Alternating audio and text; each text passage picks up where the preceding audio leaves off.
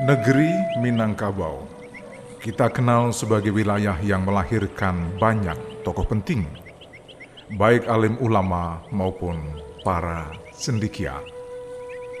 Tak hanya pria, tapi juga kaum perempuan ikut mewarnai harumnya sejarah di tanah air. Di negeri Minangkabau, gini saya berada.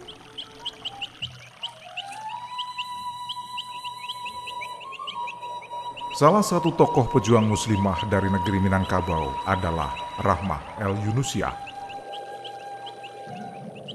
Namanya memang tak banyak dikenal, bahkan tak pernah terekspos dalam sejarah Indonesia.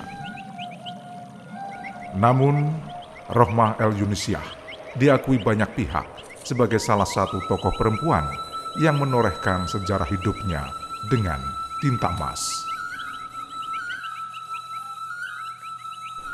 Rahmah El Yunusia lahir pada hari Jumat 20 Desember 1900 di Bukit Surungan, Padang Panjang, Sumatera Barat.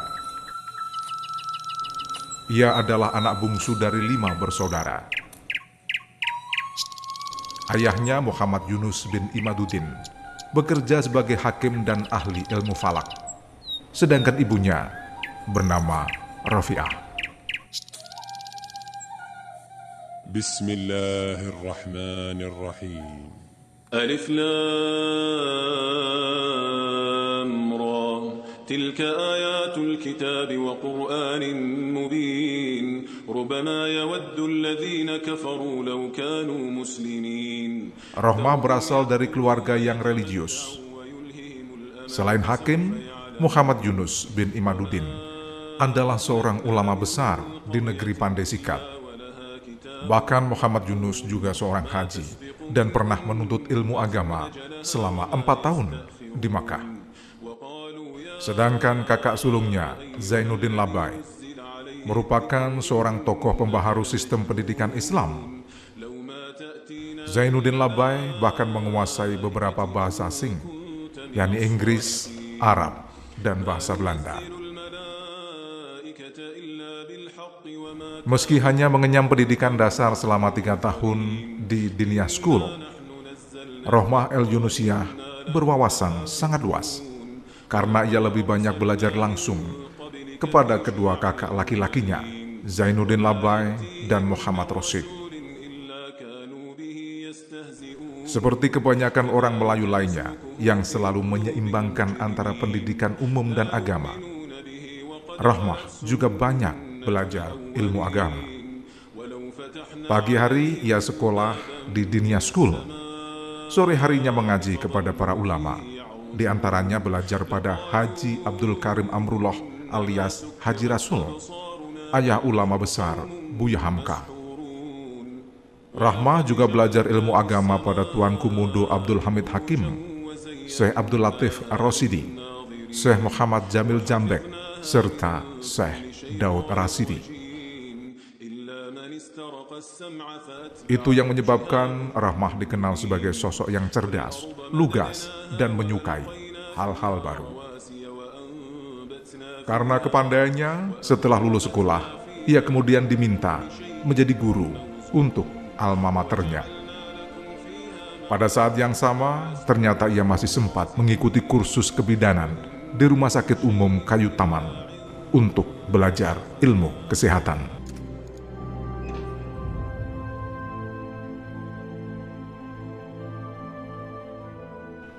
Sayang, tentangan aktivitasnya dalam menuntut berbagai disiplin ilmu mulai datang dari lingkungannya. Karena saat itu hampir tidak ada perempuan yang bersekolah. Apalagi paradigma masyarakat Melayu selalu memandang perempuan hanya sebagai makhluk kelas 2 yang tidak perlu sekolah tinggi. Umumnya ada anggapan, percuma bersekolah tinggi dengan biaya mahal jika akhirnya hanya berkutat pada urusan rumah tangga.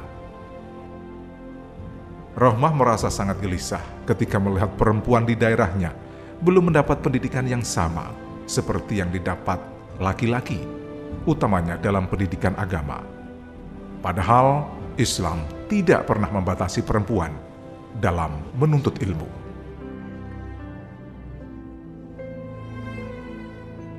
Rohmah El Yunusiah melihat sendiri bagaimana kaumnya masih terjerumus di jurang kebodohan dan ia ingin mengangkat harkat serta martabat kaumnya melalui pendidikan.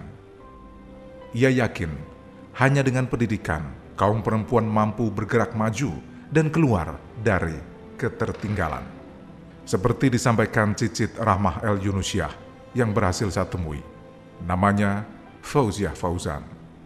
Di masa Belanda, tidak begitu mudah karena sebagian kaum adat ternyata ada yang tidak sepakat gitu karena menganggap bahwa wanita itu tempatnya adalah di dapur, sumur dan kasur. Rahmah merasa prihatin dengan keterbelakangan ini. Pernah dalam satu dialog eh, Rahmah Yunusia dengan eh, kakak beliau, Zainul Label Yunusi, dia mengatakan seperti apa perempuan-perempuan di negeri kita. Seharusnya mereka mendapatkan pendidikan yang layak untuk bisa menghasilkan anak-anak yang lebih berkualitas.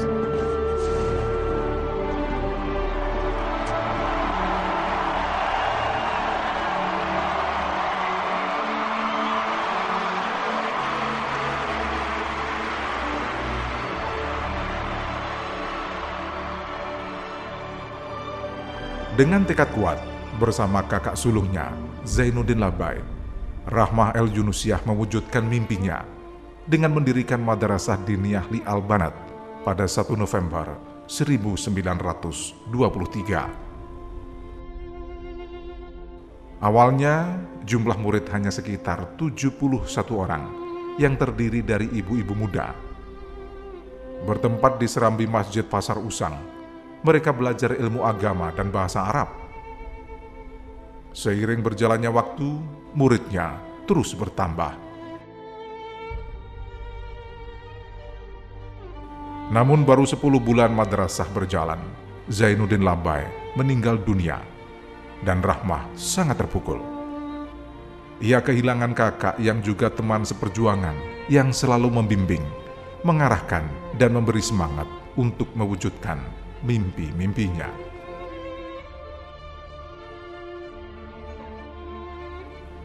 Rohmah segera bangkit. Ia melanjutkan keberadaan Madrasah Diniyah Li Albanat, bahkan memutuskan untuk memberikan pengajaran klasikal lengkap dengan sarananya, seperti gedung, meja, bangku, dan tentu papan tulis.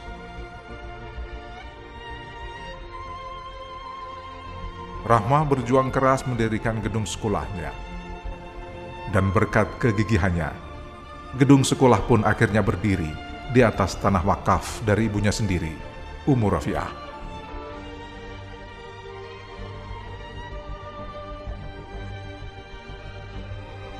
Di atas tanah berukuran 12 kali 7 meter, akhirnya berdiri Madrasah Diniyah Li Albanat sebuah bangunan bertiang dan berdinding anyaman bambu.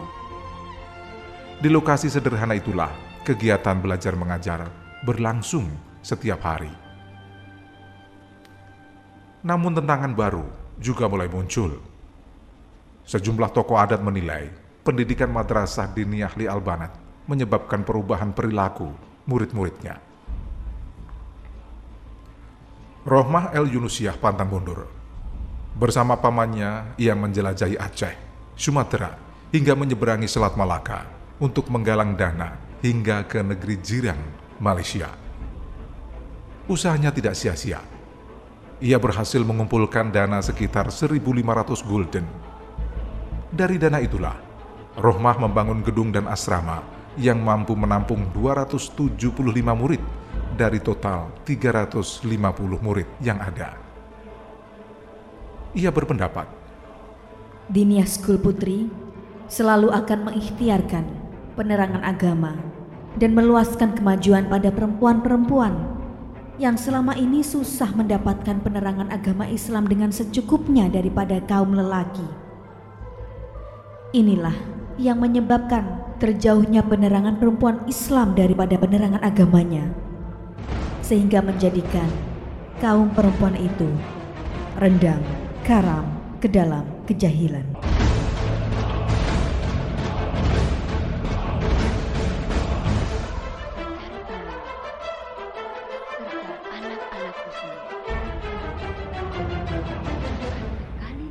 Pada perkembangan selanjutnya, Madrasah Diniyah Li Albanat tak hanya mengajarkan ilmu agama, tapi juga memasukkan pelajaran umum seperti bahasa Indonesia, bahasa Inggris, bahasa Belanda, menulis huruf Latin, berhitung, tata buku, ilmu kesehatan, ilmu alam, ilmu tubuh manusia, ilmu bumi, tumbuhan, binatang, dan menggambar. Sedangkan program ekstrakurikulernya meliputi musik, menganyam, dan bertenun. Tahun 1926, gempa hebat mengguncang Sumatera Barat. Bencana alam itu menyebabkan bangunan sekolah dan asrama yang baru ia rintis luluh lantak. Dengan susah payah, Rohmah El Yunusiah membangun kembali sekolahnya dengan batangan bambu dan menghimpun kembali para muridnya. Berkat kegigihannya, lembaga pendidikannya mulai berkembang dengan sangat pesat. Pada tahun yang sama, ia membuka kelas Majisel School yang ditujukan bagi para wanita yang belum bisa baca tulis. Kemudian tahun 1934, ia berhasil mendirikan sekolah taman kanak-kanak dan junior school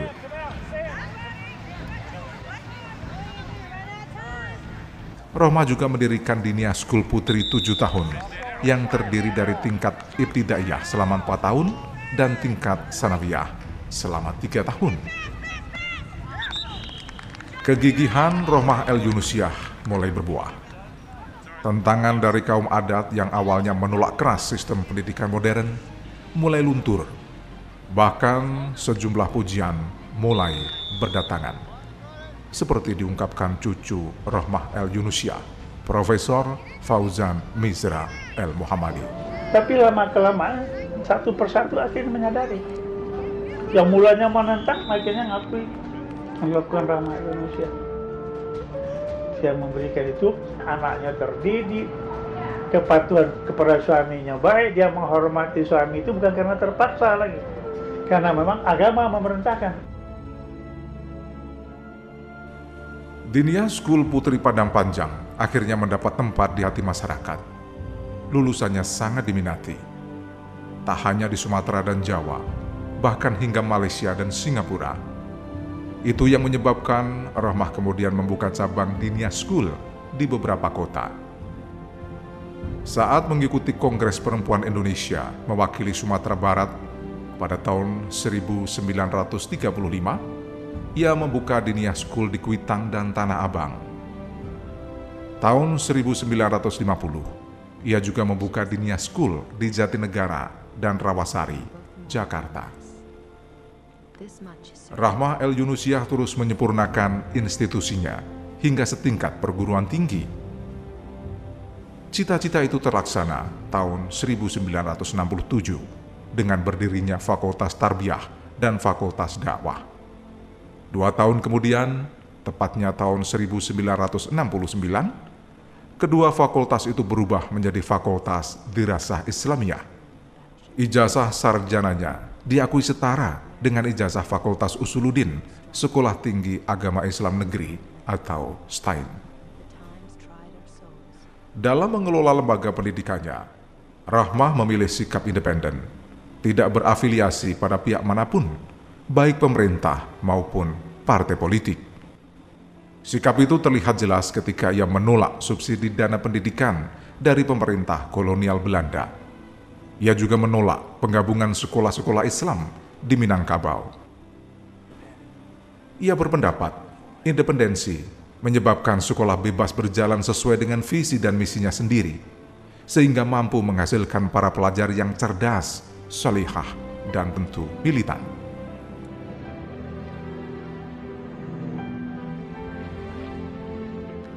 Di samping berjuang di bidang pendidikan, Rahmah El Yunusiah juga berperan aktif dalam organisasi kemasyarakatan. Ia aktif di beberapa organisasi seperti Serikat Kaum Ibu Sumatera atau SKIS, Taman Bacaan dan anggota daerah ibu.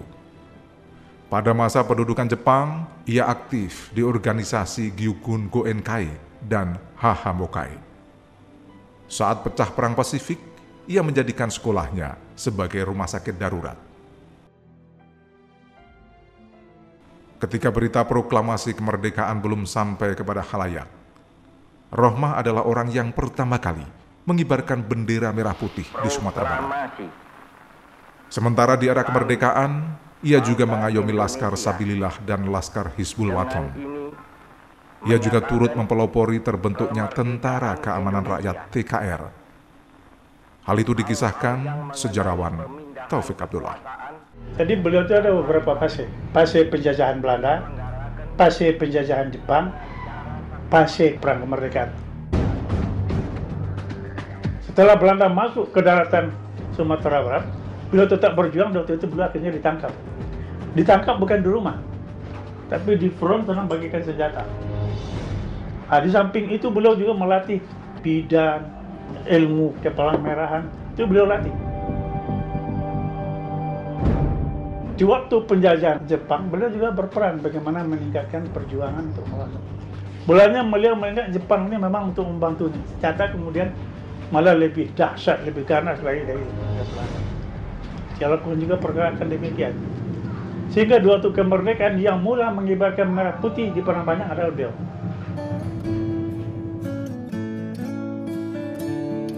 Keberhasilan Roma El Yunusiah dalam mengelola perguruan diniyah Putri Padang Panjang mendapat apresiasi tak hanya dari dalam negeri, tapi juga dunia internasional. Rektor Universitas Al-Azhar, Mesir, Dr. Said Abdurrahman Taj, tahun 1955 mengunjungi perguruan diniyah putri. Ia kemudian mengadopsi sistem pendidikannya ke Universitas Al-Azhar yang saat itu belum mempunyai sistem pendidikan khusus bagi kaum perempuan. Sehingga Rahmah El Yunusiah berhasil mewarnai kurikulum Universitas Al-Azhar. Atas jasanya, ia mendapat gelar Saikhah dari Universitas Al-Azhar pada tahun 1957. Rahmah El Yunusiah merupakan perempuan pertama yang mendapat gelar Saikhah, sebuah prestasi yang sangat membanggakan bagi bangsa Indonesia. Rahmah El Yunusiah telah membuktikan pada dunia bahwa Muslimah Indonesia bukan perempuan terbelakang karena telah mampu berkontribusi bagi agama dan bangsanya. Ia berhasil mewujudkan cita-citanya karena keyakinannya yang teguh kepada Allah Subhanahu wa taala serta tekadnya yang membaja.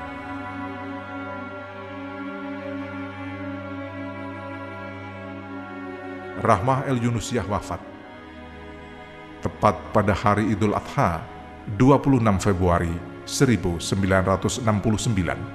saat berumur 69 tahun.